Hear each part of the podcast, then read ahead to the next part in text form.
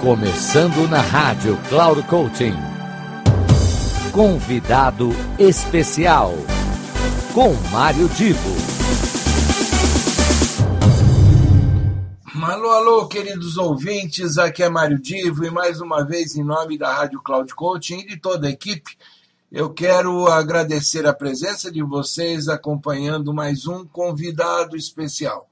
O Márcio Motter, ele é um profissional extremamente experiente na área financeira, em gestão de empresas, e ele vai trazer algumas dicas muito interessantes para quem é empreendedor, para quem é gestor, para as lideranças, aliás, eu diria para os profissionais em geral.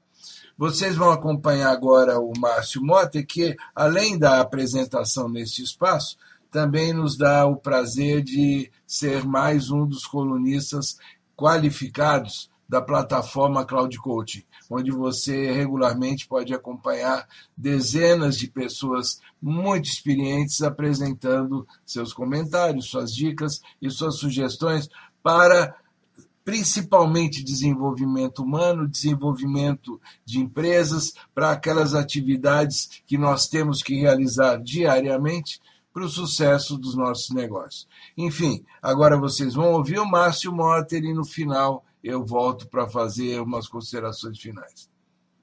Boa tarde, Mário. Muito obrigado pelo convite. Boa tarde, ouvintes da Rádio Cloud Coaching. É um prazer estar aqui com vocês.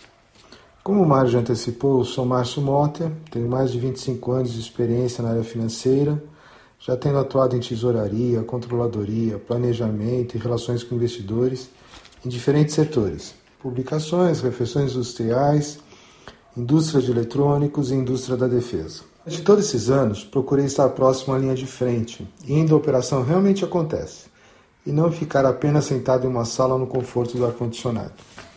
Sempre acreditei que, estando no chão da fábrica, aprenderia muito mais e entenderia melhor a operação e o que me ajudava na tomada de decisões.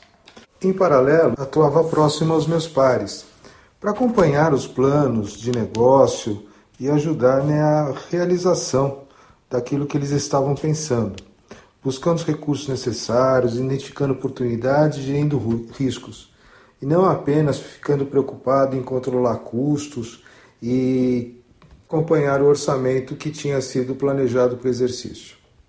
Bom, eu tive Covid agora no começo de maio e aproveitei o isolamento para escrever um e-book voltado para o empreendedor. O e-book chama Aumente seu lucro sem aumentar o preço e nele eu explico conceitos financeiros e cito casos que eu vivenciei como forma de ajudar o entendimento do, de quem esteja lendo o e-book. Tem, por exemplo, o caso do custo invisível, em que eu conto uma história de uma vez que eu visitando uma filial, me questionaram por que, que eu fui de táxi da rodoviária até a filial e não pedi para que alguém fosse me buscar. Uh, pegar alguém ligar para a filial e pedindo para alguém me buscar. Eu falei, eu falei, olha, o custo de táxi eu sei quanto que é. É, por exemplo, 20 reais. Agora, quanto custaria para alguém parar de fazer o que estivesse fazendo, pegar o carro da empresa, ir me buscar, me esperar na rodoviária e voltar, e depois, quando chegasse no escritório, o tempo que ele perderia para retomar a atividade que ele estava fazendo. Muitas vezes a gente acha que economizando um táxi ou um, uma passagem de, de, de ônibus é mais barato só que não, tem todo um contexto por trás que tem que ser considerado, que a pessoa tem que pensar antes da tomada de decisão.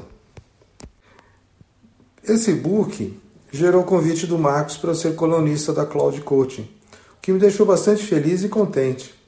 Agradeço muito ao Marcos pelo convite e a partir deste mês estarei escrevendo a coluna Finanças e Gestão Financeira, uma coluna voltada aos gestores que, independente da sua formação ou área de atuação, eles têm que ter claro que qualquer decisão que eles tomem pode impactar o resultado financeiro da empresa. Escrever uma coluna, para mim, é uma experiência totalmente nova, mas com certeza será muito gratificante. Vou poder compartilhar meus conhecimentos, minhas experiências e com isso espero ajudar muitas pessoas que estejam tocando o seu negócio ou mesmo que trabalhem em grandes empresas, ampliando a sua visão na tomada de decisões das suas áreas de, de atuação. Acho que por hoje é só e me despeço de vocês, mas antes gostaria de deixar meu e-mail para contato marcio.motter.gmail.com soletrando Motter, M-O-T-T-E-R.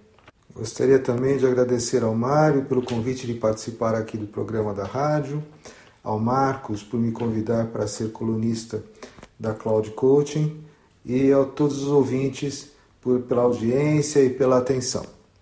Um grande abraço e uma boa tarde para todos vocês. Vocês puderam acompanhar o Márcio Motter trouxe aqui algumas dicas importantes. É uma presença muito bem quista, muito bem aceita pela sua qualificação dentro da nossa programação, não só da rádio como da plataforma.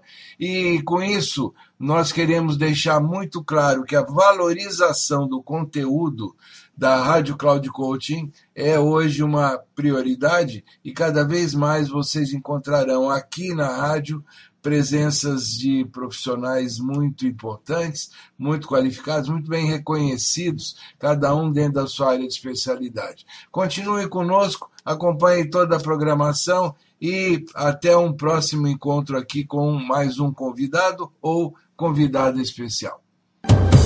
Final do programa Convidado Especial.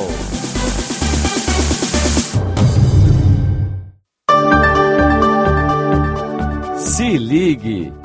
Semanalmente você ouve o programa Convidado Especial, sempre na segunda-feira às 15 horas, com reprise na terça às 5 e meia da tarde e na sexta-feira às 10 horas da manhã.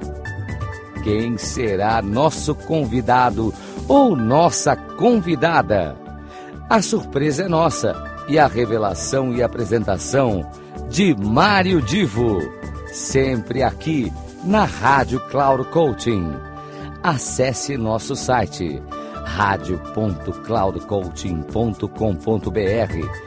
Confira toda a programação e baixe nosso aplicativo na Google Store. Rádio Cloud Coaching, conduzindo você para o sucesso.